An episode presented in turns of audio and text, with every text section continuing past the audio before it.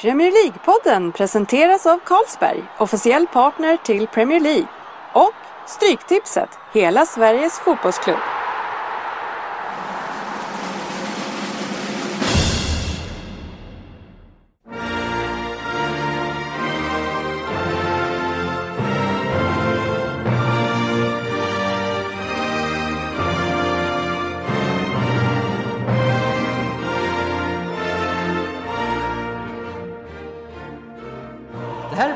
Podden, fansens podcast, magasin om Premier League och den engelska ligan.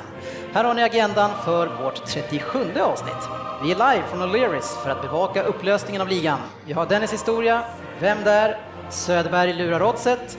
Vi ska gå igenom veckans stryktipsrad, för den gjorde vi ju redan i måndags. Sen har vi två fokusmatcher live. Vi har Manchester United mot Sunderland och sen har vi Everton mot City. En enorm match som kan avgöra titelstriden. Välkomna alla lyssnare, besökare på O'Learys Norrtull.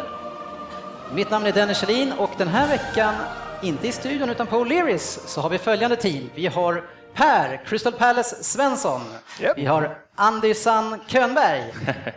Oddset Söderberg och vi har sportchefen Lundqvist. Tjena killar! Tjena, tjena. Tjena, tjena. Hur är läget? Ja, det är Bra. underbart. Skönt. Skönt att sitta här.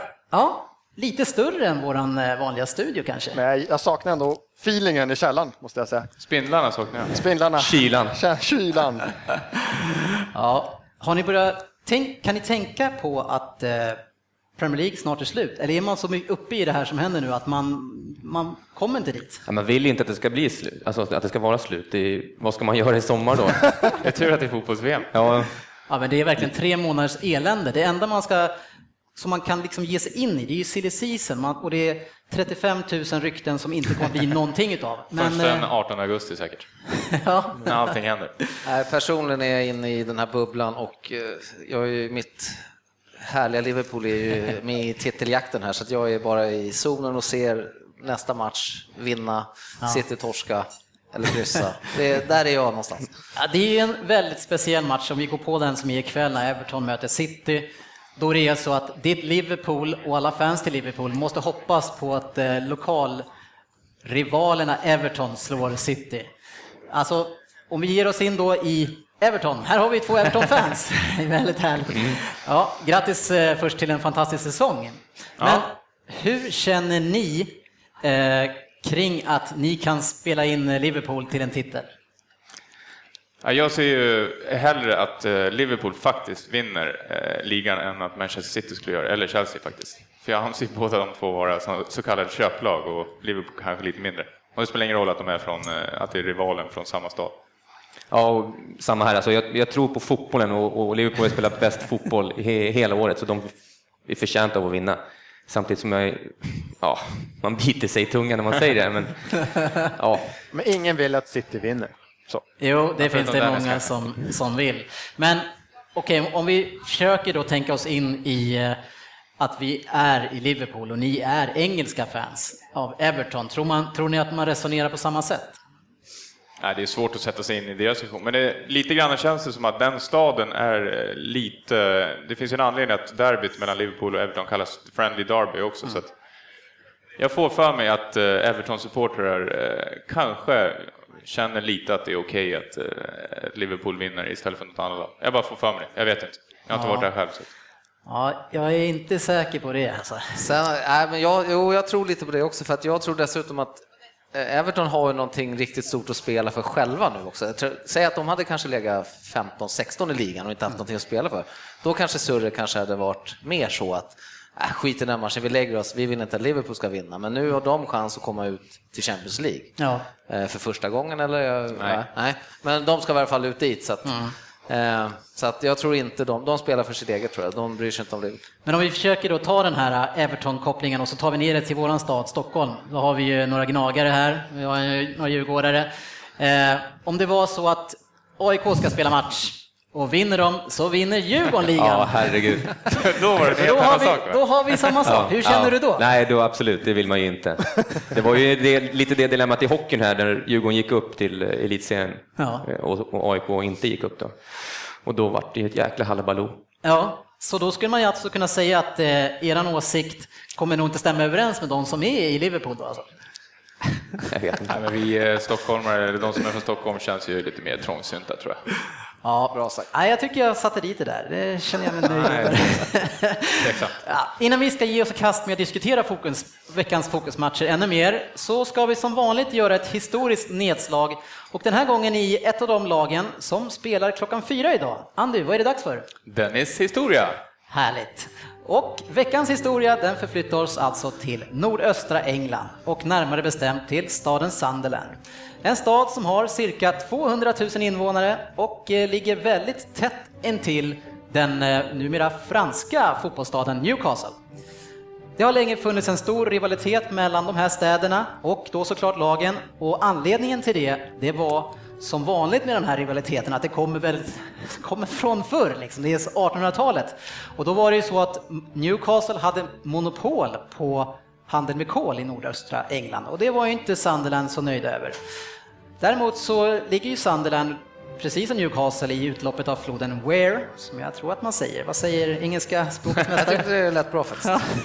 Och den leder ju ut till Nordsjön, tror jag att det är. Och eh, det gjorde ju då att man kan etablera sig inom båtvarvsindustrin och på 1800-talet så var man en av de ledande producenterna av fartyg.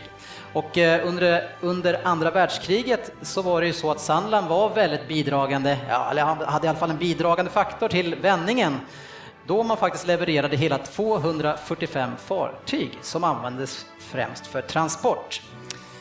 I musikväg så eh, förknippar vi mest eh, staden med Eurythmics som kommer därifrån och sen även nyare Franz Ferdinand känner vi till. Men det är inom idrotten och framförallt fotbollen som vi förknippar staden Sunderland med. Och det är laget Sunderland AFC. Och faktum är att det är den enda professionella fotbollsklubben som finns i den här staden. Och eh, så den grundades 1879 och som många svenskar faktiskt känner till så heter arenan Stadium of Light. Den här stadion, eh, trots den lilla staden som Sunderland är, är den fjärde största i Premier League och den tar 49 000 åskådare. Så det är nog bäst i Sunderland att man inte startar upp andra lag inom andra sporter. För om man ska fylla den här arenan då för folk från bara Sunderland, ja, då ska bara fjärde invånare dyka upp i rödvit halsduk. Och med det snittet skulle ett lag som till exempel Aston Villa, ja, de skulle kunna dra in 250 000 per match på sina matcher i Birmingham. Så det krävs ett bra snitt där. Eh, själva namnet Stadium of Light är kopplat till den historia som man hade inom kolindustrin och när man kom upp från gruvorna man såg ljuset. Mm. Eh, Den här klubben har faktiskt blivit ligamästare hela sex gånger, men det krävs en rejäl bunt dammiga historieböcker för att man ska kunna ta del av de här framgångsrika tiderna. Det var 1936 som man vann senast. Eh, Däremot så har man i hyfsat modern tid vunnit FA-cupen och det var 1973 och det var väl ett bra år? Eller? Mycket bra år. Ja. Ja. föddes många stjärnor. Det officiella smeknamnet för klubben är Black Cats, vilket som har en historisk koppling till en arsenal som låg, inte ett Arsenal, nej, okej, okej. en arsenal som låg vid floden eh, Wares mynning. Om vi kikar på fotboll då, då, så är det så att kända spelare som har figurerat i den här klubben är Kevin Phillips, han gjorde ju faktiskt 130 mål på 235 matcher. Så det var Niall Quinn, också en gammal City-spelare, en favorit. Och sen hade vi Darren Bent, eh, fast han har ju varit i nästan varenda klubb. Eh, ur svensk synvinkel, så historiskt sett, så kommer vi såklart ihåg att Stefan Schwarz var där i slutet på sin karriär och han gjorde 62 matcher på fyra år. Och en annan spelare som vi väl känner till, han har ju också varit i den här industristaden och lirat boll, men vem det är, ja, det ska ni lista ut i veckans Vem där? Yes, det var Sunderland. Hade ni koll på att det kunde bli det temat? Eh, lite grann kanske. Ja. Poängställningen i snitt som vi räknar i det här poddgänget är att jag själv har 2,66. Eh, Jörgen Söderberg har 3. Vi har Jörgen Lundqvist på 3,5. Andy Könberg och Per Svensson har båda 4,6. Oj, oj, oj. Ja, och Det är tre omgångar kvar. tre omgångar kvar, så nu är det verkligen Taktik. dags. En hög, en hög poäng nu och sen så skippar man de sista Men två. vågar man eh, chansa i det här läget nu då? Man måste Ja, väl är- chansa? Ja, du det- som ligger sist, ja, men Ja, ni men som ligger i här- toppen. Jag chansar aldrig, jag svarar bara rätt. Precis. De här fegisarna får vi Jag inte hålla igen heller. Ja, fast det är ju så att Svensson har ju historiskt sett varit väldigt feg, medan Andu ändå chansar Har en du del. varit väldigt feg? Var fan kom den i ifrån? varje Han gick ut lugnt, men nu har han ju övertygat på slutet. Ja, faktiskt. Vi får väl se. Då sätter vi igång eh, vår quiz som heter Vem där? För 10 poäng. Tjena killar och tjena gänget på O'Learys. Ja, som Dennis säger så har jag varit i norra England och spelat för Sunderland. Det är ju inte en klubb som drar till sig de största stjärnorna, så jag antar att ni på förhand känner att det här kan vara en ganska svår uppgift. Ander, du sitter inte och googlar va? Nej. Eh, Men ni kan vara lugna. Jag tillhör det översta skiktet, så mig kommer ni känna igen. Jag är fortfarande mitt i min karriär och är bara 26 år. Jag är född 1988. Att redan vid denna ålder säga att jag tillhör övre skiktet skulle kunna tyda på att jag är en stor talang i detta spel. Jag kom in i Premier League 2005, men blev inte en startspelare på riktigt förrän 2007. Under min riktiga debutsäsong då, 2007, gjorde jag nio mål på 40 matcher i alla tävlingar och jag pratades om som en kommande stjärna. Andy, han hade redan svaret klart innan. Han har ju kört Sunderland hela natten. Jag ser du på dig. Du var nöjd, du var nöjd innan han började läsa. men man får vara lite Hur kan man ta det på det där? Det är ju... Shit, Vad är det jag är bra på, Jörgen Söderberg? googla. Ja, Ja, han är duktig på ålder. ålder och... Ja. Ja, ja, vi får väl se om han har rätt. Ålder och fotboll är jag bra på. Då kliver vi ner till 8 poäng. Man kanske ska säga att jag är inte mest känd för att spela i Sunderland. Jag plockades in utifrån England och jag fostrades söderut i England, sett från Sunderland. Sedan blev jag utlånad en del, som många unga talanger blir. Men jag skulle nå toppen, det var jag aldrig orolig för. Jag har spelat 56 landskamper för mitt land och jag har tryckt dit 24 mål.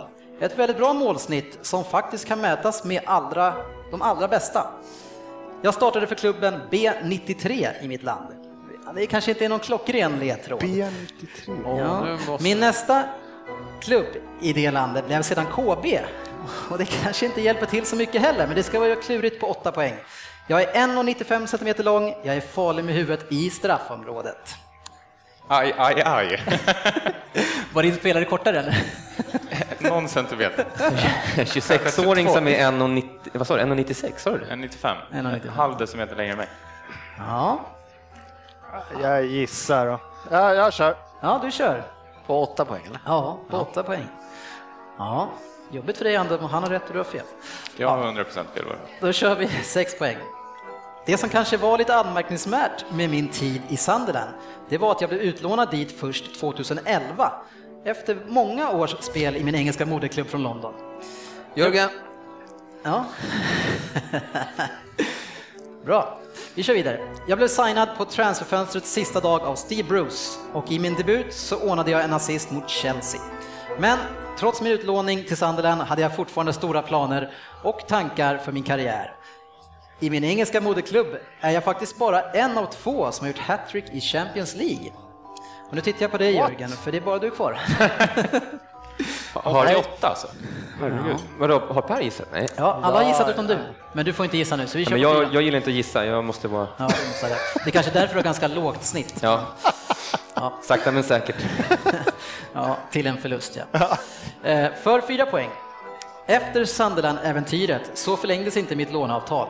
Men det pratades om Real Madrid, Barcelona och andra storklubbar. Det slutade med att jag kom hem till London, men jag blev utlånad igen och denna gång till storklubben Juventus. En klubb som absolut passade mina kvaliteter. Äntligen var jag där jag tycker och att jag ska höra hemma. det är så lätt. Fan vad Ibland dåligt. är det så lätt. Vad ska jag gissa för? Tyst nu, nu läser vi klart. Juventus däremot, de uttryckte sig efter lånet blev klart att jag inte riktigt var den spelaren som man ville ha. Men jag låter ju inget sånt påverka min tro på mig själv. Jörgen? Tar du inte den där alltså? Tar du inte den? Ja men kom igen nu. Börja... Kom igen håll, nu. Håll inte på. Han slår ner det. Nej, då går vi vidare till två poäng. Han måste ju få lite tid att gissa också. Ja, men han Jag har inte är- riktigt han- förstått. han är är han från England alltså? Nej, Nej? Nej, precis. men vi håller inte på och hjälper honom. Nej, Han, han är helt blank alltså. Nej, nej. Jo, det är nej, nej. För två poäng. Jag kom sedan tillbaka till Arsenal i England. Massor av händelser utanför planen har kretsat min karriär och man kan ju lugnt säga att mitt ölsinne verkar sådär. Fråga bara taxichaufförerna i Köpenhamn. Det är den där sopan. Alla pratade om att jag skulle lämna Arsenal direkt denna säsong, men istället så blev jag andra forward i denna storklubb, mitt under en säsong då vi låg i täten och vi hade chans att vinna Premier League. Wenger, han valde att inte värva någon... Jörgen. Ja, men... Wenger valde att inte värva någon i transferfönstret, men det förstår jag ju såklart varför han inte gjorde. Han hade ju redan topp, topp dansk dynamit i klubben. Du har gissat rätt då antar jag. Vem är det? Ja, jag säger Bentner. Det är Bentner. Lord Ben. Lord Två Bentner. poäng fick jag då. Per, hade du nog rätt? Nej, jag hade ingen. Vad gissade du på Per? Jag var helt fel ute. Jag, Ja. gick på ålder, jag körde på Altidor. Jag gick på storlek och Alltid, forward. Och, Andreas? Eh, Jag hade Henderson. Ja. Två poäng Jordan. bättre än noll. Ja, men du Sexa. satte en sexa. Härligt. Härligt, tack, tack. Så båda i toppen nollar alltså. Då går striden vidare till eh, nästa vecka. Ja, snyggt. Nu ska vi ge oss in i eh, vår tipsdel och eh, vi brukar alltid börja med Söderberg.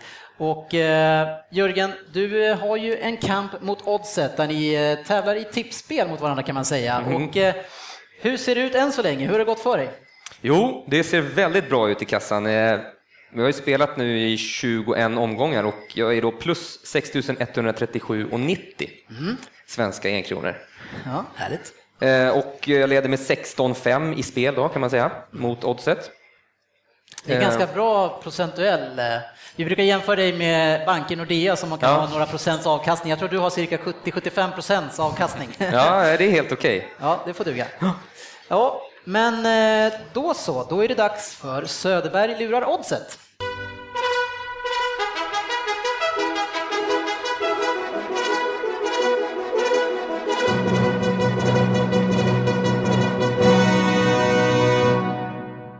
Ja, eh, och då väljer jag att spela en dubbel den här gången. Och idag möts då Manchester United mot Sunderland. Ett Sunderland som måste ta poäng nästan för att klara sig i botten. Eh, och då finns det ett handikappspel man kan spela. Att Sunderland leder med 2-0 redan innan matchen. Eh, och det väljer jag att spela en tvåa då på Sunderland, handikapp 0-2.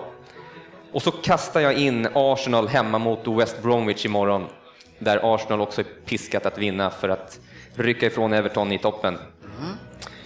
Den dubbeln ger 2,35 och jag väljer att satsa då en röding som vanligt. Ja. 500 kronor. 100 kronor. Ja, härligt Jugga. Vi får se vi- om vi hinner haka på dig. Det blir, det blir tajt, men eh, det ligger ute på bloggen. All right. och eh, vi brukar alltid avsluta vår tipsdel med Stryktipset, eh, men den här veckan så är det ju så att vi redan har gjort våran rad och därför så tänker jag att Jörgen, du som är våran Ursäkta sportchefen, men du som är våran sport, eller spelexpert, kan du dra våran rad så vi får veta hur vi i podden såg det här i måndags? Ja, och vi spelar ju då alltid en rad där vi har tre helgarderingar och tre halvgarderingar. Eh, Och den här veckan är det då så här. Eh, Match 1, Everton, Manchester City, en tvåa vart Vad det där. här, Jörgen? Match 2, Aston Villa Hall, helgarderat, 1, kryss 2. Match 3, Manchester United Sunderland, en etta. Match 4, Newcastle Cardiff, 1-2. Match 5, Stoke Fulham, 1, kryss 2. Match 6, Swansea Southampton, 1. Match 7, Crew Preston, 1-2. Match 8, Milton Keynes Dons mot Leighton Orient, en etta. Det är spännande matcher här. Eh, Match 9, Oldham Notts County, 1 kryss. Match 10, Peterborough Port Vale, en etta. Match 11, Swindon Rotherham, 1 kryss 2. Och sen match 12, Brommapojkarna Norrköping, en tvåa. Och match 13, Mjällby Halmstad, en etta. Ja. Kittlande matcher hela gänget. Underbar. Det är ju så här att vi har ju Saida i det här gänget, så för att varenda gång vi har gjort våran rad så vet ju alltid Saida hur många rätt vi kommer att få. Så Andy, vad säger känslan idag? Oj, jag måste ju kolla på raden för att se. Nu ser inte jag. Jag har inte hängt med. Du hörde väl? Ja. Ja, precis. Nej, idag blir det 12. 12 rätt alltså. Ja. Eller imorgon är det sista. Vi Nej, miss- det är hela idag. Det är Everton vi missar. Ja, precis. Någonstans. Jag vill ju spika City då kan vi tilläggas. Ja. Du fick ensam rätt om den? Ja. Ja. Och det var ingen favorit? För nej. jag vann ju tipset. Verkligen ingen favorit kan jag Ja, säga. här ja. TipsSM här. Inom podden, ska sägas. I podden. Ja, inte hela. Det behöver inte tilläggas. Nej. Men nu är det ju dags att vi äntligen ska in och snacka de här matcherna som vi har idag. Och vi har ju två live-matcher som vi ska täcka och det ena är Manchester United mot Sunderland och den andra är Everton mot Manchester City. Och eh, första matchen som vi eh, ska ge oss in i nu är ju den som är i Manchester, närmare bestämt i Trafford. Och eh, det skulle ju finnas ganska mycket skäl till att den här skulle kännas lite sval. Jag menar, United ligger sjua, vill jag minnas att det är, Sunderland långt ner i tabellen, men tvärtom så, i alla fall jag själv tycker att det finns enormt många spännande punkter att eh, knyta upp den här matchen kring. Det känns som att eh, United har ju extremt mycket att bevisa och just Sunderland har ju extremt mycket att vinna, tycker jag. Så hur känner ni själva inför matchen? Det känns som att de har allting att förlora i och för sig, nästan. Men de, har ju en, de måste ju vinna Sunderland. Ja, fast i den här matchen, om man har tre matcher kvar, har man verkligen allt att förlora i den här matchen? Man ligger ändå över strecket. Eh, nej, jag kan ha använt ett fel ordspråk där, men det känns... Eh, Sunderland, de är piskade i alla fall att vinna. Ja. Så att, eh, Ja, men det här kanske match, ja, jag tror inte de är piskade att vinna den här. De ligger ändå ovanför strecket, så de har ju fortfarande li, lite i egna händer. Och så på samma poäng som de. Ja, men de är ju över strecket. Ja. Ja. Som jag, tr- jag tror ju som De Per, han, han, Per hävdar ju att alla lag tar ut en kalkyl om vilka matcher de ska vinna och inte vinna och jag tror att Sunderland har nog inte kalkylerat med en vinst i den här matchen. Nej, men om man ser på deras form den senaste tiden så har de ju faktiskt plockat bra skalper. Eh, bland annat från Chelsea, va? Och City. City, Everton. Cardiff. Everton. Nej, så, och sen, men sen har de ju West Bromwich hemma nästa och sen avslutar de med Swansea hemma. Så de har ju två matcher kanske där de, behöver, där de räknar med mer poäng. Men Jag tycker de ska ösla sitt krut där om jag säger så. Och det känns ju som du sa, det, United har mindre att spela för än de andra lagen. Nu är ju i och för sig West Bromwich kanske har lite mindre, de är också klara. Fast, fast jag, Nej. jag har en känsla av att United nu när Giggs tog över rodret här, att det har smugit in någon sån här United-anda alla Ferguson på något sätt. Att nu kanske de liksom tajtar ihop sig och avslutar snyggt om jag säger så. Jag De gör ingen att- bra säsong, men de kommer att avsluta snyggt tror jag. Jag tycker med att spelarna i så fall någonting att spela för eftersom de vet att det blir en ny coach. Giggs kommer inte sitta kvar. Så det kommer ju någon till. Det kommer ju någon som, som är så gott som klar. Det är någon som sitter och bedömer varje match nu. Varje match, hur de springer och bedömer.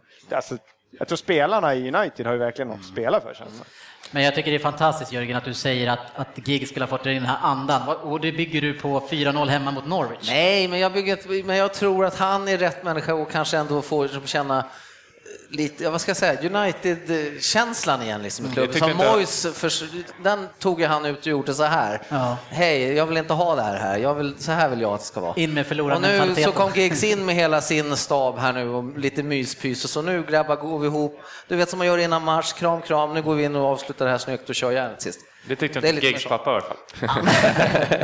Alltså jag är inte så säkra säker på att det är så där. Alltså Giggs är en grinig gubbe alltså. Och sån här kille som han, han ger järnet alltid på träningarna, han sliter och river på. Alltså han är, han är ju lagkamrat med de här killarna. Helt plötsligt ska han då, som är den här kämpen som ger allt i alla lägen och griner och, och driver på dem, ska han bli mysgubben då, då som går och kramar om dem och får ihop Men han verkar gänget? inte vara en mysgubbe. Jag vet inte vem det var, det var Ferdinand, var han som gick ut och sa att eh, innan matchen, liksom, hans snack innan, han eldade upp. Det var som liksom, säga, Alex Ja, Ferguson, han var som precis. bäst på att elda. Ja. Han gick in och gormade att nu är det fan, nu spelar ni för liksom märket på tröjan. Nu gäller det att ta sig kragen. Nu ska vi fan gå ut och visa.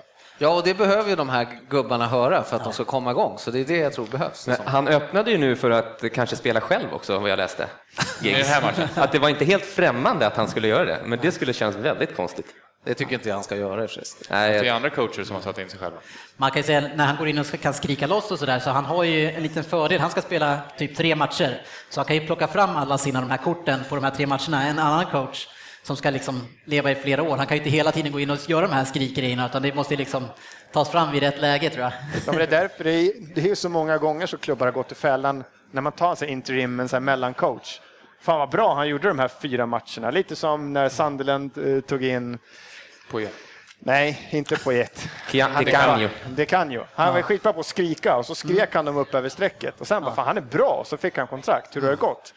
Fyra Tot- matcher. Tottenham liksom, tar också in en gammal gormare och så får han gorma lite. Det funkar inte i längden. Nej. Så är det kanske, men ni säger att... Eh, Så är det kanske. ja, Berätta hur det jag, är jag där. kan inte ge han rätt. Nej. Nej. Eh, Sunderland är ju ett lag som den här eh, säsongen har haft svårt att vinna de lite enklare matcherna, de som man ska vinna. Så därför av det skälet, att säga att man inte räknar med det här som en poängvinst, tror jag kanske är fel, för man har ju faktiskt lyckats mot de bättre lagen, om man nu ska säga att United är ett av de bättre lagen den här säsongen. det är det de inte är. De är ju ett eh, mitten, spelar som ett mittenlag. Alltså. Ja. Så de har ju stor, jag tror, jag tror de har bra chans i alla fall att få kryss med sig idag. Eh, Men alltså de är nio poäng efter det med en match mindre spelad och i mittenlag. Ja, men de spelar som ett mittenlag. De har, de, de är inte bra i år. Alltså. Men de har ju tappat tron. Sunderland kommer gå in med hjärta här och verkligen slita för att... Men det är det jag tror United kommer göra också, vet du. gå in med hjärta just för att det har blivit som det har blivit.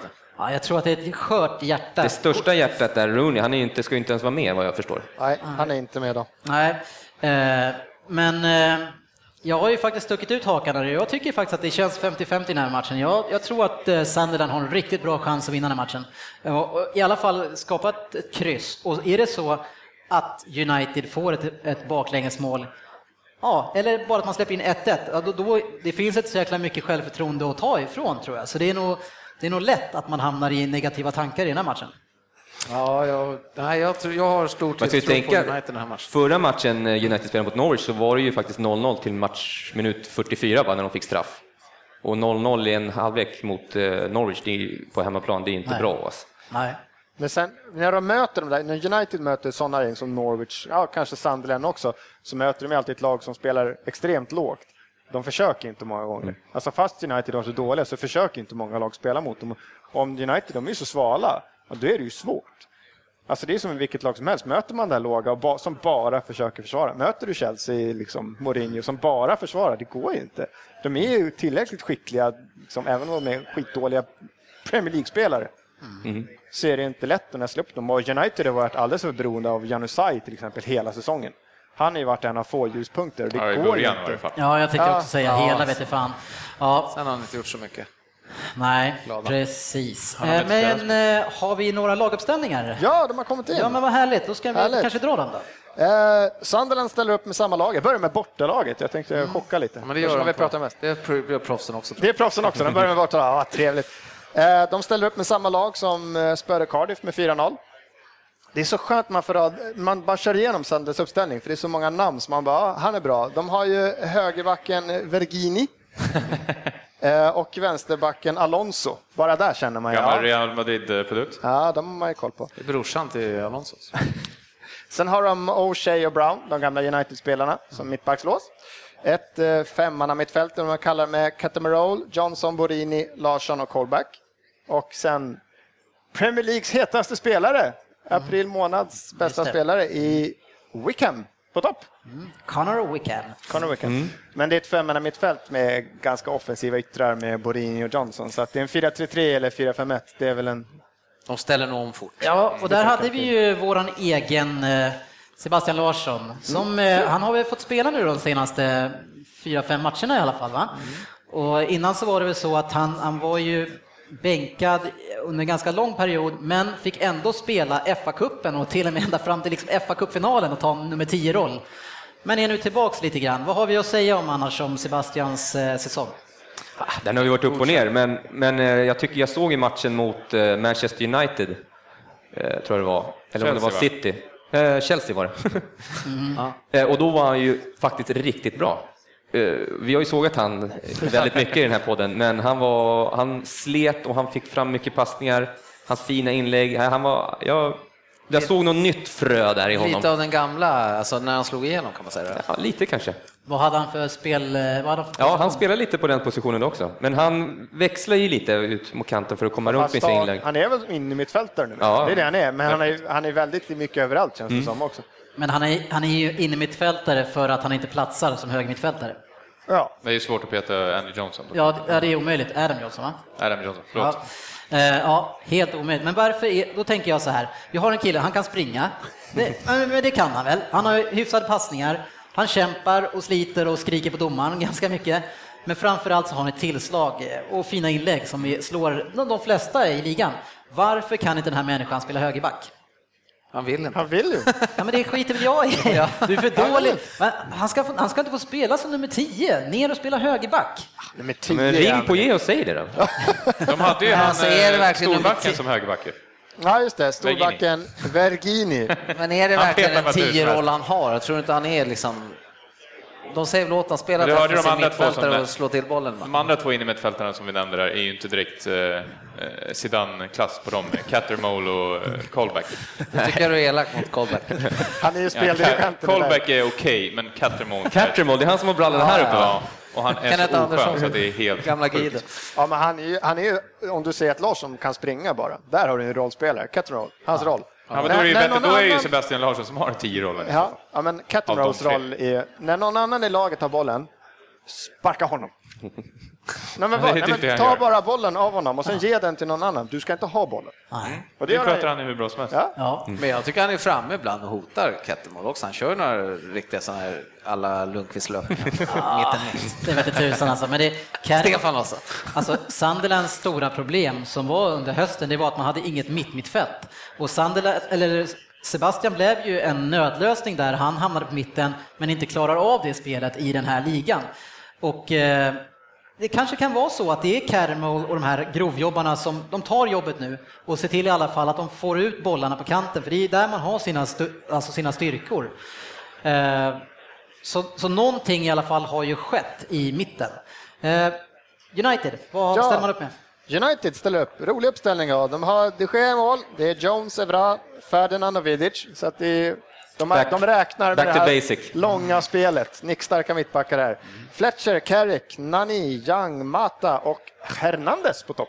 Åh, Oj. härligt. Kul. Så det är, det är en rolig uppställning. Ingen Welbeck va? Ingen Welbeck på bänken, Fellaini på bänken, Valencia på bänken, van Persie på bänken, Janusaj på bänken. Men van Persie var småskadad. Ja. Det känns som att han har varit det ganska länge. Eller? Storskadad kanske. Storskadad, småskadad länge. Men, men du var inne och fingrade på en grej alldeles nyss och det är ju van Gaal. Är, är han klar eller? Allt tyder väl på detta. Det Men, finns- men han är inte klar? Nej, man får inte skriva på att han är klar än. Han, han, nu är han ju fortfarande, han ska ju ta Holland i VM först. Ja. Så att det vore konstigt om han gick ut som, ja, jag ska ta över United, nu ska jag börja kolla på det. Liksom. Men ska han då inte berätta att han ska vara nya tränaren förrän efter VM? Det verkar ju sådär, eller? Nej, det måste ju gå ut innan dess. Ja. Det verkar Ja, ju- ja, Jag tror inte det gör någonting i landslag om han skulle komma ut med det nu. Det har jag också svårt att... Nej, de sa väl att, det ska, att de ska, att det kommer ju komma, eftersom alla redan vet, Ja. så ska de liksom annonsera det nästa vecka. Men jag tror de hade säkert tänkt att vänta till efter säsong. Men det som jag tycker är så fantastiskt är att nu fick vi veta det här, men de sa att nu är han klar i stort sett. Sådär. Och- det tar ju, vad tar det, några timmar och sen så har vi första Rooney-ryktet ute direkt. Och nu är det så att han säger att ja, nu är, nu är Rooney orolig för hans ställning i laget för nu kommer en holländare in och då kommer han vilja spela van Persie och ge han den här eh, centrala rollen. Så nu är, nu är Rooney orolig igen. Varför alla dessa rykten om Rooney hela tiden i United? Ja, för att han är bäst. Ja. Och han har ju haft, det har varit lite fram och tillbaka med hans, eh, om han ska vara den stora stjärnan eller inte. För när Moyes tog över, då sa ju han att eh, Rooney kan vara bra att ha om van Persie går sönder där uppe. Och det var ju inte så jätteklokt sagt kanske. Nej, det var inte... Eh, och, och redan då var det ju lite rykten. Ja, men sen svängde det om kraftigt. Mm. Sen gjorde han Rooney till sin stora stjärna och, och gav honom ett så här, fyra, fem års kontrakt med sjukt mycket pengar precis typ två veckor innan han fick kicken. Mm. Och det är mycket rykten om att han ska ha ringt upp och du vet, tack för att du satte fart på min karriär och allt möjligt. Så Mm. Men Persie att var är- ju monsterskadad under hela tiden också. så Ja, men han är ju rädd för att tappa sin status, jag, som Jörgen säger. Nu har han fått, nu är nästan Zlatan-klass i United. Att, att, ska de värva någon, då ska det gå via Rooney, typ. Det gör det inte om van Schalt det. Van Schalt ska ju vara, han ska ju vara en stenhård Ferguson-typ. Liksom.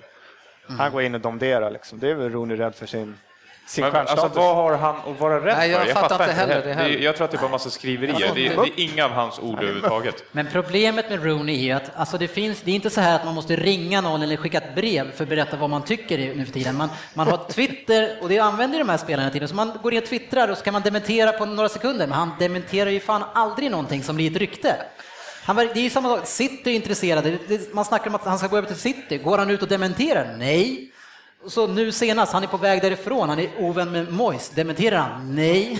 Han kan Alltså- inte dementera allting Nej, som skrivs. han kan i alla fall dementera, alltså om, om, City säger att de vill ha Rooney och United, United fans hör ju det och så går inte han ens ut och dementerar det som skulle vara den värsta övergången som finns. Han skapar ju de här grejerna själv. Gå ut och dementera och visa att du är en stolt och stark United-spelare. Han är ju men upp, det- är så många av de här som det är så här stjärnor vid ung ålder. De, är de vill ju bli gullade liksom. Han kanske gillar rykten och så vill han bli lite gullad utav ägarna i Och sen så United. skapar det ju ofta ett mervärde för honom. Han får ju, kommer ju få ett högre kontakt om det blir mer Ja. surr om honom.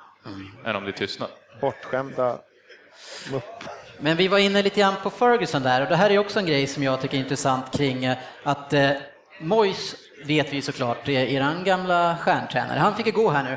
Men jag har inte riktigt blivit klar på vad var Fergusons inblandade, inblandning i det här.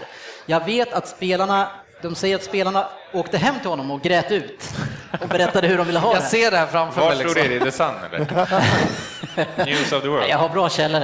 Eh, Men har han någonstans gått in och kommenterat det här som har hänt? Ferguson? Ja, Nej, inte vad jag har läst.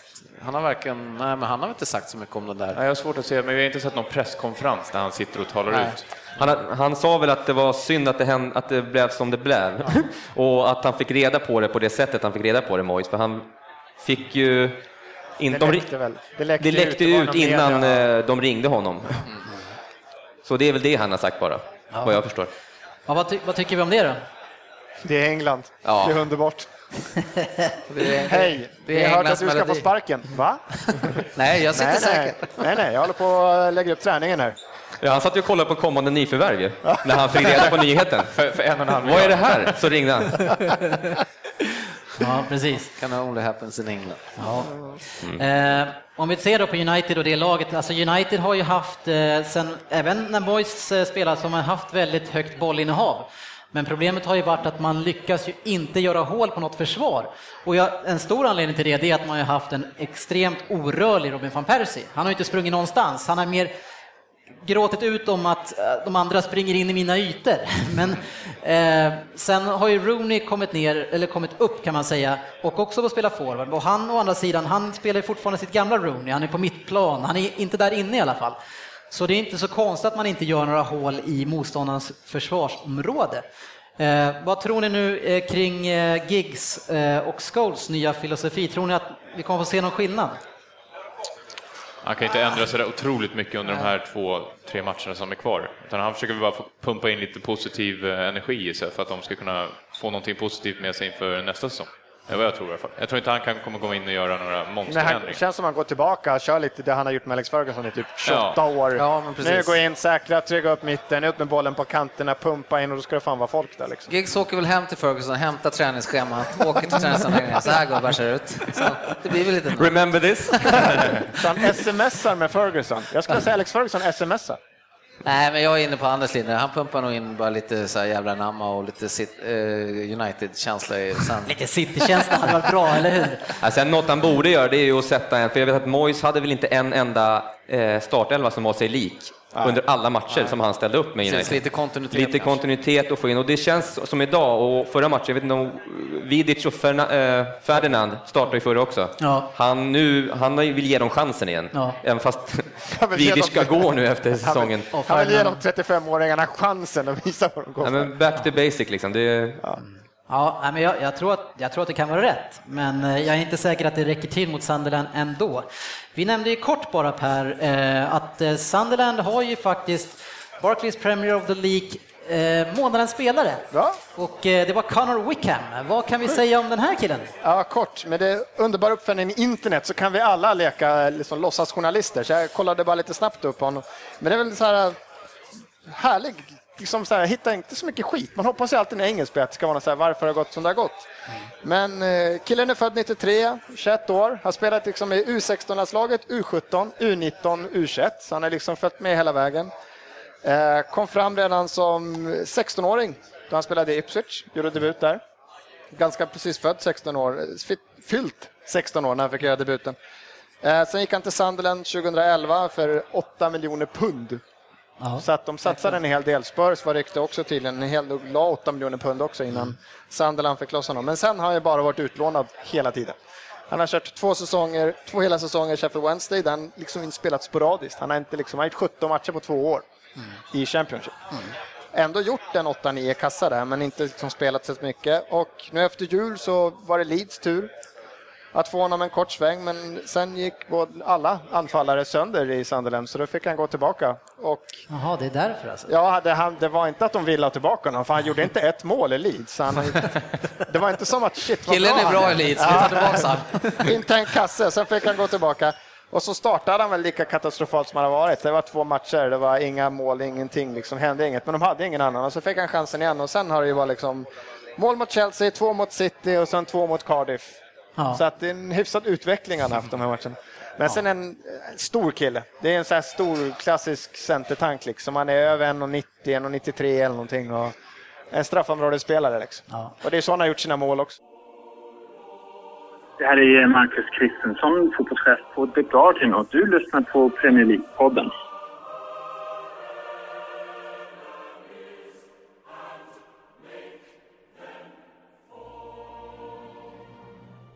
Ja, men om vi ska eh, försöka förespå den här matchen nu då. Ni, eh, jag tror att vi känns som att vi är lite eh, oense här hur att man slutar. Vad tror du, Anders? Eh, jag tror nog att de kämpar till sig ett kryss, Sandlen. Alltså, många mål eller? 2-2. Ja. Oj. Ja, jag, jag tror absolut att det kan bli ett eh, kryss. Kanske, ja, det är målsnålt alltså. Jag tror de kommer backa hem. Eh, 1-1. Ja, jag, jag hade, magen säger lite grann åt 2-2 hållet, men jag säger 1-2 för att krydda till lite grann här. Vad, vad tror du, sportchefen? Nej, jag har ju höga förväntningar på United, så jag säger 3-1 till Man United. Ja. För att jag tror, som, jag tror mycket på bara, inte själva gig som tränare, men mycket på känslan bara. Han har fört in United, Ferguson i omklädningsrummet igen, i, i form av sig själv. Hernan- Hernandez stek idag. Alltså. Ja, det är Chicarito. Chica, chica, Chica- Chicarito. chica, chica. Ja, Svensson? Jag tror också på United. Då. Mata, Chicharito, hela gänget. Det kommer gå full fart. De vill avsluta snyggt i alla fall på Old Trafford, så jag tror det blir en 3-0 till och med. Jag tror faktiskt de inte har en chans. Nu när Conor Wickham ska gå upp mot Vidic och Ferdinand i luftrummet, det är där han gör sina mål. Jag tror inte han har en chans. Men har han verkligen gjort så mycket? Är det inte lite tap-ins från fötterna? Så, här? så jag är inte, alltså månadens spelare, jag är inte sjukt imponerad av honom än. Han har väl varit på rätt plats på rätt tillfälle, vilket som i och för sig är bra, men han har väl inte imponerat så att man Nej. trillar av stolen. Nej, men det jag menar, man kan inte gå från att vara bänkad i Leeds till Nej. att gå in i Sunderland. Och sen, han blev ju månadens spelare för han gjorde de målen han gjorde mot de lagen han gjorde. Ja. Han har gjort mål mot City, Chelsea Ja. liksom. Och sen så klev han mot Cardiff och visade att han kan göra mål där också. Det är därför. Han har inte briljerat i, på spelet. Nej, jag tror inte han har en chans idag tyvärr. Nej, det är helt sjukt faktiskt att Sunderland är faktiskt de som eh, har rört om den här eh, tätgrytan allra mest, där man både då, som ni säger, man slog Chelsea senast och så kryssade man och ledde ju länge mot eh, City också och har gjort det svårt. Och jag tror att det är ganska mycket på ger här. Jag, jag tror att han är en duktig pådrivare för det här laget och man märker när han pratar inför matcherna att eh, den här killen inspirerar det här laget till att göra bra saker. Han Pumpar i dem. Alltså Sunderland-spelarna tror jag kommer att komma ut med ett jäkla bra självförtroende och känna att här kommer vi kunna göra någonting. Förvisso så är det ju så att det har ju många känt på Old Trafford i år, men jag, jag tror att eh, Poirier även med dem, han har ju cirka sju år då i Premier League, eh, Tottenham och eh, är det Chelsea va? Eh, att det också hjälper till mycket. Så eh, jag tror, hoppas att eh, han kan hålla kvar med, för jag tror att eh, han, han är en person som man eh, kan bygga det här laget på. Jag, tror, får- ja, för jag håller med, det är en bra tränare. Jag tror garanterat att han är så inspiratör. Han är jävligt bra på det. Men jag tror också att när de har tagit de här poängen de har gjort mot de här storlagen och så vet de att det är tre matcher kvar så har de de här två matcherna efter. Det är det som är deras fallskärmar. Får de liksom, känner de direkt att de tappar bollen och tappar spelet United tar över så tror jag inte de kommer, liksom, de kommer inte slita ihjäl sig den här matchen. För de vet vilka två matcher de har kvar sig. Men Vissa lag har ju det här att de kan bara spela mot bra lag, för att, alltså prestera mot bra lag, och sen när de möter sämre lag så, så är de inte, klarar de inte det. De klarar inte att föra spelet. Och Sunderland är väl lite av ett sånt lag, känner jag. Och nu möter de ett sämre lag. De vet inte hur dåliga de är helt enkelt. Det finns vissa eh, gamla Everton-tränare som har haft den där sjukdomen också, att han kan också bara spela mot bättre lag och lägga sig på defensiven. Det är svårare att föra en match. Och det är ju därför som att det är större presentation av Rodgers detta år som snälla. tränare än Pulis. För det är svårare att spela en- kreativ och attraktiv och vinnande fotboll Tycker än jag att du- backa hem. Jag tycker jag gjorde- en fin överlämning där. En överlä- en överlappning. Tre mot två. Ja. Eh, Vill ni ha kvar Sunderland i, i Premier League? Ja, jag vill, det vill jag absolut. Jag tror på Poirier som ni, mycket som ni säger om honom, så det hoppas jag verkligen att de hänger kvar.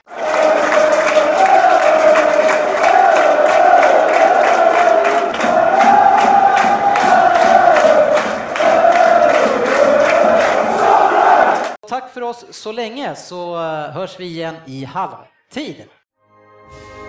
Hej, det här är Niklas Alexandersson. Du lyssnar på Premier League-podden. United tar ju initiativet som man gör i väldigt många matcher.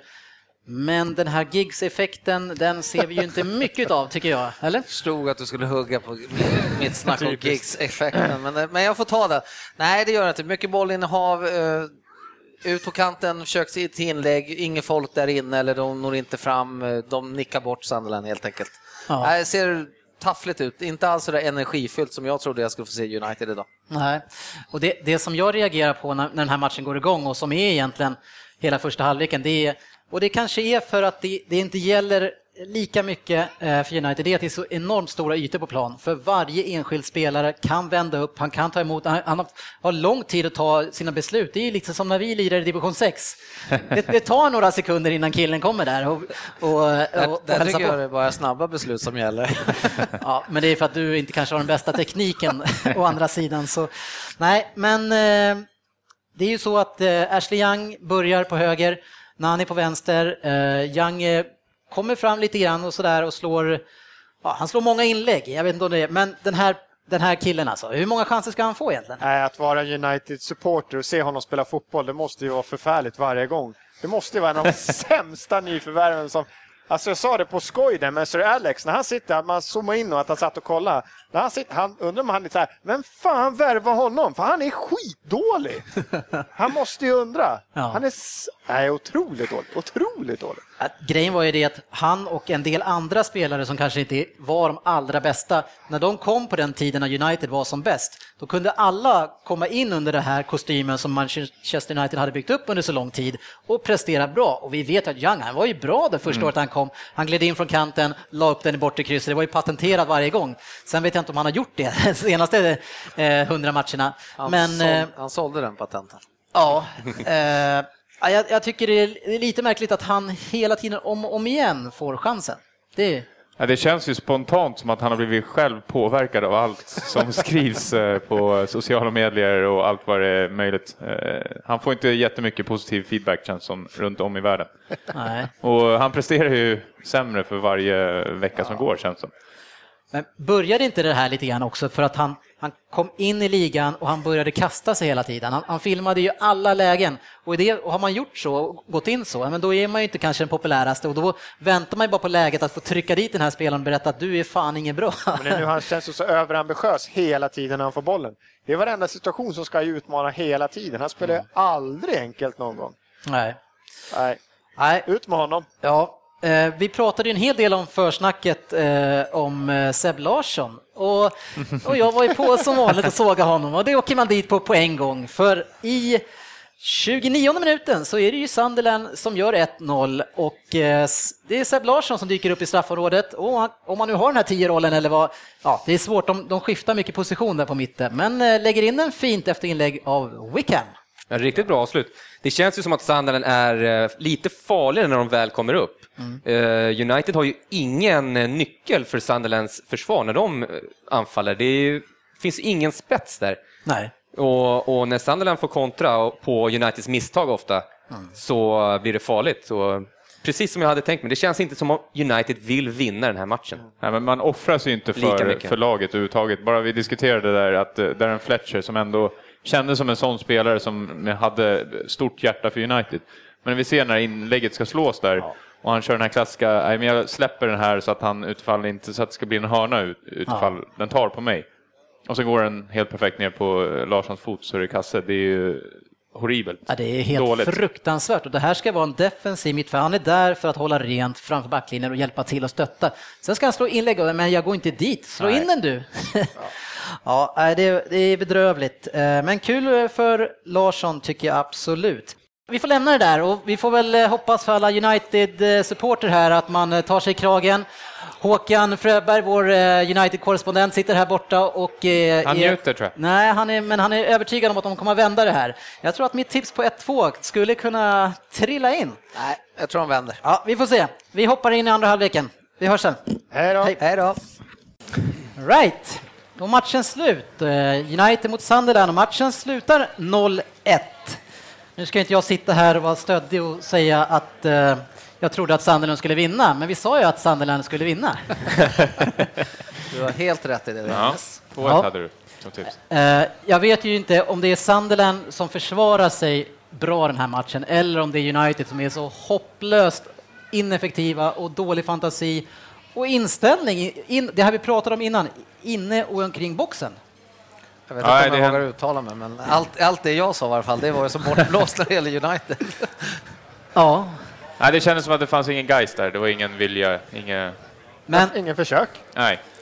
Och det här har väl varit så här egentligen varje match och nu sätter man en spelare uppe. Han, han försöker ju Chicarito en del, men han blir så ensam för det är ingen annan som vill någonting. De tar sig inte in i boxen. Nej, nej. Och man märker det när man kommer runt på kanterna, vilket man gör ganska mycket. Janosaj kommer in med lite energi, också bra, tar tillbaks bollen direkt från Johnson, river på, kommer ett inlägg. Men vem fan ska jag lägga bollen på? Det, det finns ingen. Men det, här är typ, det här är någon så här äh, syndrom som flera topplag tycker jag. Man säger alltid att Barcelona tiki-taka, bollen i havet. Det här är ju bollen i hav när det är meningslöst. De hade lika gärna kunnat ta bort bollen och sen backa hem och, och låta motståndarna komma upp lite till. För nu var det bollen i hav helt meningslöst. Det är ingen det. Det kanske står 75 procent, man tror de är skitbra, men de är katastrof. Ja. Det går ju så sakta när de har bollen. Det är ju de, de, det är inte en passning kommer framåt. Det är bara åt sidan och... Nej, Ja, det var ju som jag sa när vi satt och diskuterade över våran bit mat där uppe, att eh, när de hade Scholes som eh, lite grann offensiv, defensiv mittfältare, då hade de i alla fall ett, ett alternativ på ett skott. Men nu eh, när Fletcher och Carrick står där, de ska söka sina inspel, men de försöker inte ens. Nej. De passar bara sidleds till Ja. varandra i tio minuter. i Det här var ju som att kolla på en toppmatch i allsvenskan. Alla bara kan bygga upp, så det är bara katastrofdålig fotboll liksom. Ja, riktigt dåligt. Usch. Ja, och Fletcher, vi pratade om det här lite grann tidigare, om den här starka United som han var förr. Och Fletcher är ju en produkt från det laget också. Är han en person som lever på gamla oförtjänade meriter? Kan det vara så? Att eh, ja, han kanske inte är tillräckligt bra för att spela i ett United? Det kändes som när han var som bäst, då hade de ju andra spelare som var ganska mycket bättre också. Ja, men det är som det jag som höjde upp honom, absolut. Så nu är inte han den som man ska luta sig tillbaks mot i United, känns Ja, det är för många spelare i den här uppställningen som är lika bra som sin omgivning. Men nu var det ingen bra i United, då är ingen av de här bra. Nej. Skador och sånt där har väl satt hans karriär i stå kanske också mycket. Så. Ja, en spelare som vi heller inte gick in på när vi ändå är på sågartaget här på United. Vi kan börja där. Och, och det är Juan Mata som man köper för 400 miljoner. Eh, är han en 4 miljoners spelare eller inte? Och om han inte är det i United, är det inte hans fel? Är det, får han lida för att United är dåliga eller är han själv en del av det dåliga? Till att börja med så tycker jag inte att någon är en 400 miljoner spelare, men eh, lite så är det väl att United som jag tycker att gör att han blir lite sämre också, eftersom det- han har inte så jättemycket alternativ. Han är väl också en sån som är lite så här, han gör ju andra bra, men då måste det finnas någon som gör någonting. Han måste hitta någon och passa någon löpning. Det var ju för många som står stilla i, skitsamma vem de hade kastat in känns som. han behöver ju en lekkamrat. Ja, Ja, Någon måste- som han synkar med liksom. Och, Han måste ju ha en fantastisk omgivning tror jag för att kunna komma upp Lite som du, Han är inte spelaren som tar du, tag du i det. byggde ju din karriär kring mig. Som, alltså jag gjorde ju dig bra för att du hade ju mig just. Men, Vi behöver alla, no- alla någon i, i tysta liksom som jobbar. Ja, det där kan ha varit den sämsta jämförelsen. Någonsin. Faktiskt. Ja. Nej, bedrövligt, kommer helt av mig. Men om vi, eh, om vi pratar United då avslutningsvis så är det, var det sjunde hemmaförlusten i år eller har man, är man uppe på åtta till och med? Jag vet inte. Är det sju? Vet Håkan det kanske? Ja, han tappar räkningen. han vill inte vara med riktigt. Nej, men sju ändå. Man måste ju ändå ha en stolthet att spela med på hemmaplan. Jag tycker redan från, från sekund ett så ser man att man går inte upp i press, man har ingen energi eller man vill inte ge någon energi heller. Man vill ingenting. När Sunderland har bollen så pressar inte United på spelarna, på Sunderland-spelarna. Så de, kan, de tar inte tillbaka bollen så att de kan fortsätta eh, anfalla, utan då, då, då kan de ju aldrig få de här farliga omställningarna heller. Nej. Utan det blir bara Nej. det här uppställningsspelet hela tiden. Det Ja, men ingen det är lite som vi är inne på, att de, de verkar inte vilja. Liksom. Det verkar vara så här, "Nej, men nu, Nej. den här säsongen är död, nu, nu kommer ny tränare nu nästa år ungefär, men liksom, vilka ska vara kvar? Och det är som vilka som har bollen när de står där också. Det är Jones till Carrick till Fletcher. Det, är liksom, det händer ju ingenting. Det hör man ju att det kommer gå åt helvete. Ja, Nej, det. Hörs. Avslutningsvis bara så måste vi höja Sunderland. Som Absolut. återigen, även om United inte är det gamla United så tar man ytterligare en jättebra skalp här de sista. Man är kanske uträknade inför de här sista sex matcherna. Och nu har man alltså tagit sju poäng mot City, United och Chelsea. Alltså det hade man ju inte kunnat ha sagt innan att de, det här Sunderland, de kommer att göra det här i slutet. Och att vår egen Sebastian Larsson avgör matchen. Ja, jättekul och kanske Herregud. rädda kontraktet. Eh, Otroligt kul och vi ska hylla Larsson. Vi är väldigt duktiga på att såga honom, så nu ska vi hylla honom. Eh, Men eh, är det läge att ge gig sparken nu eller? Vi måste ta in Tony Pulis. Sista två Han, matcherna. han kan rädda dem kanske. Ja. Nej, vi lämnar den matchen. Det var som Andu sa, att eh, hade det varit hemma i soffan så kanske du hade nickat till, eller? Ja, jag hade kanske kört en liten en, en quickie.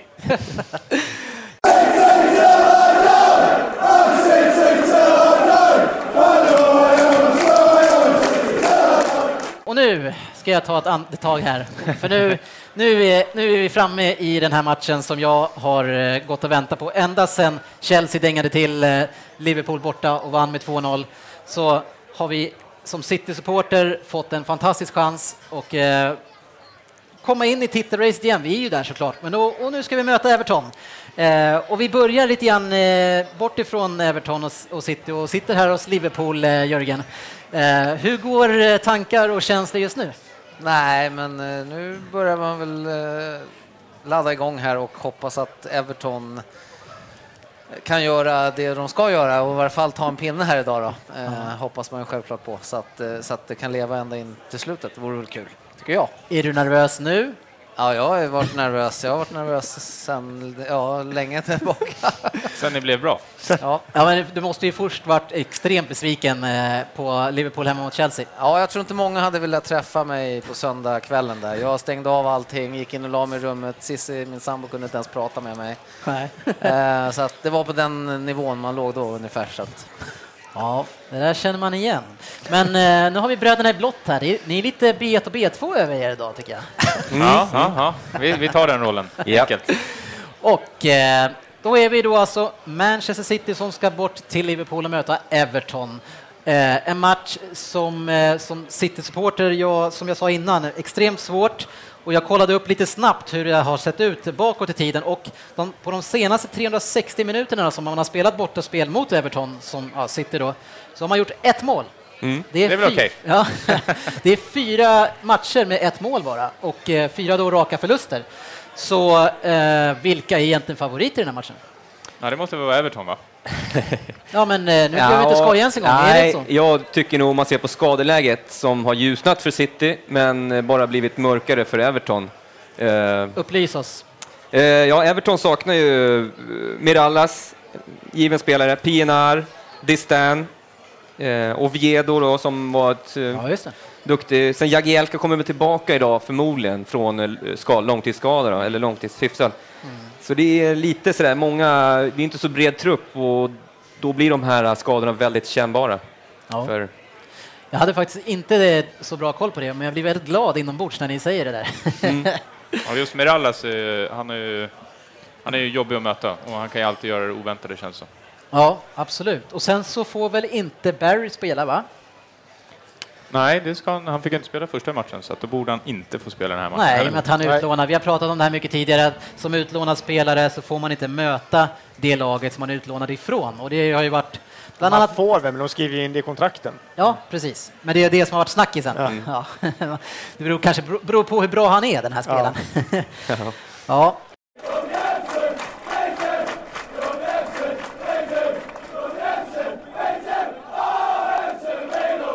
Everton har ju ändrat sitt spelsätt enormt mycket sedan Moyes lämnade och tyvärr så har ju det kommit över till eh, United. Eh, Men gällande Mar- Martinez, eh, känner ni att han har fått ut max av det här laget eller kan han ta det här en nivå till nästa år? Ja, det lite beror väl på. Vi har ju ett par lånade spelare som bland annat Barry och, ja du skrattar du Per, men, och Lukaku. De är ju två för det här året som har varit extremt viktiga. Ja. Så lite har väl att göra med om vi får, eh, om vi får behålla dem. Så Mm. truppen absolut, men jag tror eh, definitivt han kan ta det till ett, ett extra steg. Ja. Och det är nog givetvis hans eh, mål också. Det Ja. känns, Everton har ju lite slagit i taket. De har den arenan de har, de har den ägaren de har, de har den här budgeten. De kommer liksom inte, det kommer inte komma så här 250 miljoners bud på Lukaku. Det klarar inte Everton att göra. Nej, inte att de lägger i budet. Nej, Nej, precis. Nej, alltså Everton kommer, de, de, de måste ju låna, får vi låna här några Ja. igen? Men det kommer ju stå tio klubbar på rad och vill köpa honom. Definitivt. Det är ju Barry som de kanske kan få behålla, för honom vill nog inte så jättemånga andra ha tror jag. Nej. Så att det, är, sv- det är svårt för Everton. Everton skulle ju behöva att det kom in någon en rik shejk och bara Fast jag, jag tror ändå Everton och framförallt då Martinez, han är ju han har ju väl jobbat med ganska små medel även i Wigan liksom, så, så att det, det tror jag talar för Everton och deras att han kolla bara han tog fram den här Oviedo där när Baines gick sönder liksom. Han, jag tycker han, han kan ha en jävla blick för att se spelare liksom och det är han jäkligt duktig på tycker jag, att ta upp, och ta upp dem och få dem att spela liksom och på Ja. bra nivå. Ja, absolut. Kan Ja. du dra laget kanske? Ja, vi- Eller lagen? Lagen, lite spännande uppställningar. Om jag eh, tolkar Evertons uppställning rätt så ser det ut som en någon sorts 5-3-2 eller en 3-5-2 där man ställer upp med både Alcaraz, Jagielka och Stone som alla mittbackar och sen Coleman och Baines. Men det är Så Alcaraz kommer ju förmodligen få ta eh, Barrys Barrys roll. i så fall. Ja. Något annat kan inte... Sen har vi McCarthy, Osman och Barkley och Lukaku och Naismith. Så att det är en, ändå stark, Känns el- okej. stark ja, elva. Absolut. Naismith som, eh, som vi klankade ner lite Ja. nu, han har ju varit eh, stekhet här på slutet. Så Ja. Ja, Han, är, eh, fan, vad han springer alltså. så otroligt Ja, mycket. han, han, eh, Men det är sånt man älskar att se i sin egen jag, jag vill inte riktigt se han i för många löpningar mot Demichelis. Nej, han går in otroligt hårt i varenda närkamp, så att han är ju eh, otroligt jobbig Och i varenda närkamp, det är så här att du har inte en chans, men då ska han ändå dit. Ja, ja, det är precis. skitjobbigt att möta en sån ja. spelare. Ja, men en grovarbetare. Vi? City. Ja. Ja. vi kan ta dem också vill. Där har vi Hart i mål, Zabaleta, Clichy på kanterna med Company och Demichelis. Vi har Garcia, Milner, Nasri, Touré och Tseko Agüero på topp. Två anfallare. Och på Vänta. bänken hörde vi vad då? Ja, där har vi en... eh, Ja, City, där har vi både Lescott, Fernandinho, Kolarov, Negredo, Jovetic, Pantelimon och Silva! Ja, men precis. Som skulle vara borta hela säsongen. Hela säsongen. VM var i fara och grejer till och med, fick man höra. Ja, jag satt ju här och svor i för ett par avsnitt sen och över att Yahya Touré och Silva var borta resten av säsongen att nu blir det, nu är grattis Jogga Lundqvist, nu vinner Liverpool. Och nu är båda tillbaks. Och Jaja klev in och var typ bäst på plan direkt första matchen han kom tillbaka. Så han är, Hur var det på uh, Citys mittfält? Vilka har vi på kanterna? På kanterna så är det ju Milner då. Sen är det väl eh, Nasri som Ja. han har verkar väl från en kant och går in i mitten. Och Precis. Milner har ju fått Ja. väldigt mycket speltid sista matcherna väl. Och det tycker jag är, eh, är bra. Eh, Navas har gjort det bra i och för sig mot topplagen i de här snabba omställningarna. Men det som händer när Milner är med i matchen, det är att vi får fram Zabaleta på ett annat sätt. Zabaleta är ju en fantastisk kantspringare som, jag, han ser ju inte speciellt snabb ut, eller sådär som att han skulle kunna vara vältränad, men han kan ju springa hela tiden och han kommer som ett tåg där ute. Och det som Milner gör som inte har det där steget, han vet ju om det då, to- suger in bollen, kanske söker sig in i banan, låter Zabaleta komma utifrån eh, på kanten och sen bryta in. Och det som de gör så extremt bra, och det som jag tror att vi kommer att se flera gånger i den här matchen, det är att Sabba tar nästan alltid löpningen utanför och sen går han in mellan ytter och innerbacken och så lägger man den mittemellan där och där kommer Sabba jätteofta.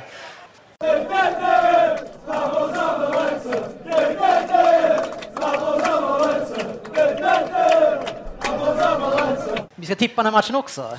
Jag vet inte hur gick det när du, ni tippade sist? Ja. Jag, jag tror faktiskt, eh, eller jag tror, jag tror med hjärtat att City kan vinna den här matchen med 1-0. Och det brukar vara i de här ta- tajta matcherna att det är Yahya Touré som eh, på något sätt kliver fram och tar ansvaret och trycker dit den. Vill du att vi ska tippa nu eller? Ja, jag tittar på dig. Ja, härligt. Jag, eh, jag väljer att tippa 2-1 till Everton. Ja, Och det är väl ganska mycket med hjärta, men eh, som du säger, vi, har, vi är starka på hemmaplan. ja absolut. Och eh, förutom ett par skador eh, som är Barry där så tycker jag ändå att vi har offensivt eh, starkt lag så att eh, vi kommer klämma in två kassar. Ja. 2-1. Filosofen. Hej, hej! Jag hade, jag hade lite statistik över, de, de har faktiskt mött varandra, var det, 170, ja, det vet jag osagt, men eh, de har gjort 232 mål var på varandra Ja. under eh, all, så jag tror då att det blir kryss. 2-2. Oj, vilken, Det där, ja. vilken, podden Tipskungen släpper levererar. breaking Ja, news. men statistik vet du. Ja. Nej men eh, ett kryss, eh, 2-2, jag tror att det blir en svängig match. ja, herregud. Mycket mål. Ja, jag tappar konceptet när du kör såna där grejer. Ja, Jörgen? Nej, jag eh, tror City är för starka. Everton har dansat färdigt, säsongen är över. De eh, är för trötta. Eh, City vinner med 3-1. Ja, vad härligt. Va? Då kan vi Tyvärr, tyvärr ska jag tillägga. Jag tänkte säga, då kan vi sitta här och fira tillsammans du och jag. Ja. Ja, jag tror, konstigt, det gick inte så bra förra gången vi tippade, så jag fortsätter. För jag tror någonstans ändå på att City är för starka för Everton. Jag tror att Jagielka som kommer tillbaka och deras innermittfält, jag tror inte de kan, jag tror inte de klarar av Jaja, så jag tror att det blir 2-0. Jag tror att det blir ganska lätt seger för City. James McCarthy kommer äta upp jag tror det idag. Varför eh, tror du att det blir enkelt? Nej, därför jag tror att de, är, de har ett för bra mittfält. Jag har sett en Ross Barkley, som jag sa, som har en ganska viktig roll ändå, den som ska vara den som fördelar bollen. Och jag tror inte han har en chans. Jag tror inte de kommer bli uppätande där på mitten av en, en Garcia som är tung i defensiven och så har de en Jaja. Nej, jag tror inte Everton har en chans idag. Ja, Oj, Javi Garcia mot Ross Barkley, det, det låter snarare som en enkel match. Ja. Inte den formen Barkley nu. McCarthy mot ja, ja, För några månader sedan en... kanske, men nu tror jag inte. Nej, men han har varit som bäst mot de bättre lagen. Så det, alltså, ja, jag är beredd att hålla med Andy där. Jag, om det är Garcia som ska ställas mot Barkley då kommer City få en jobbig idag, tror jag faktiskt. För även om Barkley har gått sämre så har han, han alltså spelat väldigt bra. Sen kanske inte han får trycka in de här och har gjort det där som har synts mycket. För det var ju många matcher i höstas då det var mycket som syndes, men det, han gjorde ju väldigt mycket som inte var bra också. Mm, men som ung spelare så blir man ju alltså upphåsad när man lyckas med bra grejer och nu är det, det är alltså små detaljer som gör att man kanske tycker att han är igång. Mm. Eh, hur, hur är det kring eh, landslaget med Barkley? Är han aktuell eller? Han var ju det runt jul där innan han gick så bra, men uh, sen har han ju varit skadad. Han bröt ju någon sorts tå där. Han var ju borta en månad. Någon sorts tå? en lilltå, om du vill veta, jag vet inte. Uh, och sen uh, vet jag inte hur snacket har gått efter det. Det känns som att det är, det är hyfsat tajt på ja, Englands in. innermittfält också med både gamla rutinerade som är sugna på att vara med och även unga som har kommit igenom med Lalana och grabbarna. Så att, eh, men eh, aktuell borde han väl vara till någon form av stortrupp. Det är klart han ska med i truppen, se och lära om inte annat. Jag älskar se och lära. se och lära. Gärna ha någon som kan spela också. Eh, förutsättningarna inför den här matchen nu då? Det har, vi har ju två olika lägen här. Eh, först har vi eh, kampen om guldet som står mellan Liverpool, Chelsea och Manchester City. Eh, och då är det så att City inför den här matchen ligger på tredje plats, men man har en match mindre spelad. Så vinner man den hängmatchen, ja då är man ju då nu på samma poäng fast med bättre målskillnad. Jag tror att man hade åtta plus mål, kan det stämma? Eller var det sex? Sex va? Nej, jag hoppas det var åtta. Så målskillnaden kan bli avgörande här. Så vinner City den här matchen går man alltså upp på samma poäng som Liverpool. Eh, spelar man lika då går man upp på 78 poäng, vilket som är samma som Chelsea har. Och då får ju då Everton, eller Liverpool såklart, en enorm fördel. Eh, vad har ni för matcher kvar sen? Vi har ju Queens, nej Queens, börjar vara om. Crystal Palace borta på måndag kväll då mot eh, som vissa tycker årets tränare, Tony Pulis då. Men, ja. eh, och sen avslutar vi hemma då som ska bli paradnumret, hoppas vi då, eh, Newcastle. Ja, där kan man fan få många plusmål alltså. Där kan man få många. 4-0. ja, det, det, vill man göra fler mål där, då går nog fan det, så kan det nog bli sex där. vi får se, men nu är det dags att ladda upp, för nu är det bara några minuter kvar. Så eh, jag tänker att vi kanske börjar eh, koppla över oss mot matchen. Och så får vi hoppas att den här matchen i alla fall blir lite bättre än föregående match. Det kommer den bli. Det är så mycket som står på spel här, så är det någon som somnar här nu så kommer jag att dra till dem. Ja, tempot kommer bli något helt annat förmodligen. Ja. ja. Nej, det ska bli otroligt spännande. Så eh, tack för oss länge så hörs vi i halvtid. Sådär. Hög puls på Kjellin här i alla fall i podden efter en riktig rysare. Ander, hur, hur, ser, eh, hur mår du? Eh, jag var sådär. Jag tyckte att det var ingen höjdarmatch, speciellt inte från Evertons sida. Nej, eh, men eh, om vi inte går in på enskilda händelser så måste vi säga att Barkley är tillbaka i alla fall. Fantastisk match. Ja, idag känns det som att han var hyfsat ensam där i Everton. Sen några mindre bra insatser från våran backlinje. Ja. Speciellt en, som vi inte jag hörde ordet eh, Alcaraz, eller Alcatraz. Alcaraz, ja. Ja, ganska många gånger. Och, eh, han hamnade med bollen. Ja, de använde honom som uppspelsperson på slutet och det var inte hans eh, starka sida direkt. Om han hade någon idag. Jag vet inte om det kan vara så att Manchester City tvingar Everton att eh, ge bollen till Alcaraz. De styr väl ut den och, och tar bort eh, Barkley många gånger. Så. Ja. Och då, Fast ändå, det kändes som att i hela andra halvlek, i alla fall de första säg 30 minuterna, så står Barkley ensam på mitten och bara väntar på bollen. Ja. Men det är som att han inte är en erkänd kärn, äh, stjärna eh, alltså, än i Everton, för de ger honom inte bollen. Han är så här het, han ska göra bollen varenda ja. anfall. Hela tiden, ja. Jag tror att de inte klarar av att, att hitta honom helt enkelt trots att han är helt ren. De vågar inte spela den här som en liten, liten avig passning med lite mindre marginaler. Han är ju en sån spelare du kan spela upp bollen på även fast han har någon i ryggen, för han kan täcka bollen så pass bra. Ja. Men eh, vi ja, har inte så stor tro på honom då kanske. Nej, så länge, så länge Osman lirar så kommer han att få Det är han som är nummer ett. fortfarande. Ja, där, däremot så såg vi att man spelar ju gärna på Osman när han har någon i ryggen och han försöker göra några vrickningar här och var. Vi sa det att det kanske inte är det han ska göra, eller? Nej. Nej, inte idag i alla fall. Ja, kanske inte någonsin. Eh, in i matchen nu då och eh, andra halvleken som var så har vi 45 minuten redan så är det ju Barkley som tar bollen så som han brukar göra, en bit utanför eget straffområdet och sen är det tåget hela vägen fram till andra straffområdet. Serverar Naismith va? Som kommer fint mot Hart och bra avslut. Men en Jättebra räddning. drömräddning av eh, Hart alltså. Jag noterar Garcias löpsteg där i, i hemjobbet. Det såg ut som en gammal älg alltså. En gammal en. Ja. Ja. Jaha, Bra liknelse igen. trött. Nej, det var, ja, han trött. Han hade precis vilat 15 minuter efter halvtid. Det här skulle man ta, och jag hänvisar till vår senaste poddinspelning, att man kan träna upp ett, ett löpsteg. Vi inte om det? Precis. Han skulle ta den och kolla, kan jag träna upp det här? Han, Milner och eh, Seko kan ju gå på samma snabba steg-träning. Nej, men istället så är det då i 47 minuten så är det Nasri som spelar fram Zeko igen som gör 3-1. Eh, ett mål som kändes blytungt i det läget. Ja, verkligen. Det var, kändes lite ridå ner då tyckte jag. Eller nu, då tänkte jag i alla fall att Ja. nu stänger de matchen här tänkte jag. Nu, nu kommer inte Everton tillbaks. Men eh, det gjorde de, tycker jag.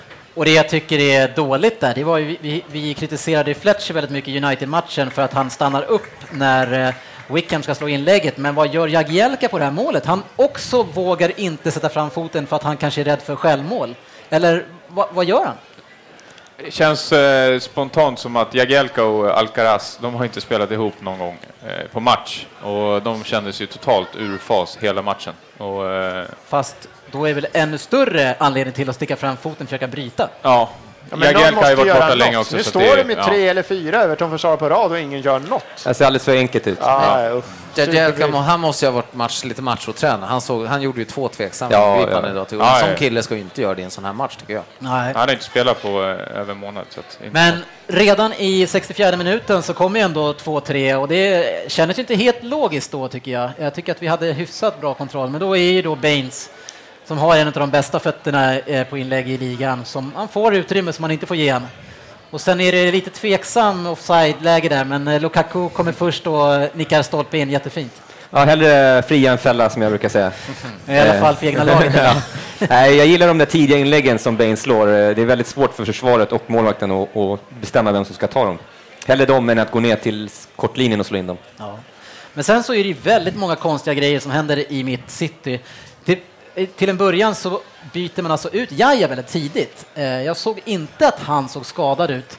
Eh, Och det gör man- man tar in fler defensiva spelare redan alltså i, vad är det, 66 minu Ja, minuten? Men alltså, jag måste säga, jag räknar med att han är skadad om de tar av honom. Jag kan inte tänka mig Jo, men det. de, de ledde ju med, med tre, eller de ledde med, de, de böt ju honom precis efter 2-3 målet. Så Jo. tanken var väl att de ledde med 3-1 och ta av honom för att inte förvärra Ja, men det är inte, en som eventuell att, skada. det är inte som att du får inte ändra dig. Nej, precis. Fram till han har bytt så kan han bara, nej vänta Ja, eller ta ut någon annan. Det är ett Precis. jättekonstigt byte. För att det som händer efter det, eh, förutom att Sabaleta får ett friläge, men annars så City lägger sig bara på defensiven, eh, både i mentalitet och i spelstil och bara liksom, varsågod Everton, nu får ni chansen att göra mål här. Ja, Och den tog vi inte. Nej, tur det. Det var en lång, lång, lång press. Eh, en sista touchpoint i den här matchen, det är ju det som händer med Seko. Seko eh, tappar balansen och slår i axeln och blir liggandes. Och sen den här pajasen till domare som ska... Pajas till domare! Men han gör ju ett ju statement. Alltså, han har, har ju inte någon skada överhuvudtaget. Nej, ingen ska in och ta hand Tänk om om honom. fler Han ska domare kunde göra sådär, säger jag. Ligger man skadad fyra, fem minuter på planen, då ska man inte in på planen. Nej, då är det för det. fan, han ska ju bort. Men varför kan han inte bara, okej, det verkar inte som att den här killen kommer upp. Ska vi ta in någon, så en läkare, så vi i alla fall får igång spelet igen? För Seko var ju inte på väg upp. Om det nu han är, att han har, axeln har gått ur led eller vad fan det är. Ja, men alltså. det han hade visste ju att det var han inte gick ju så. fram, han såg ju domaren. Du har inte ont. Ställ dig upp mupp. Jag tänker, han, han var verkligen, ja, du får ligga där tills Han, du han ville förlöjliga honom Ja, ja, att han inte ta in Ja, honom. ja. Han lyckades. Nej, Jag tycker det hela är en parodi alltså. och jag tycker parodin är... Seko ja. Det kan Nej, inte vara någon jag- annan som är Nej, parodi. jag tycker nog att de eh, får dela det där i sånt fall. Eh, Dela, vil- vilka som ska dela? Ja, Vem? Jag tycker då man kan avsluta det där snabbt istället för att stå där med sin löjliga hållning och vänta med sitt gula kort och ta in läkaren så man kommer igång med spelet, för det skadar ju Everton också. Men sen så såg man på Everton-spelarna, det var inte så att de, i, i flesta matcherna brukar de ju försöka ta och lyfta Ja, upp liksom ja. för att få av men det var inte som att Everton-spelarna ens ville ha av honom planen. De stod ju bara där och småsnackade lite. Nej, för axeln var ju led. Ja. Men då kan vi ta i fötterna och släpa ut den. Nej, det där var det värsta jag sett. Nu, nu klättrar, han- än nu klättrar han upp på nummer två efter shitlist på Suarez. Är obesegrad. Två? Det, han gick ju förbi. Nej, nej, Lugn och nej. fin nu. Men eh, ja, så Liverpool här nu då. Nu eh, ser det lite trögare ut här. Ja, nu är det jobbigt, eh, men vi kan bara fokusera på vårt. Men det är klart att det här kändes väl som att man skulle väl passa vidare, kanske ett litet grattis då kanske.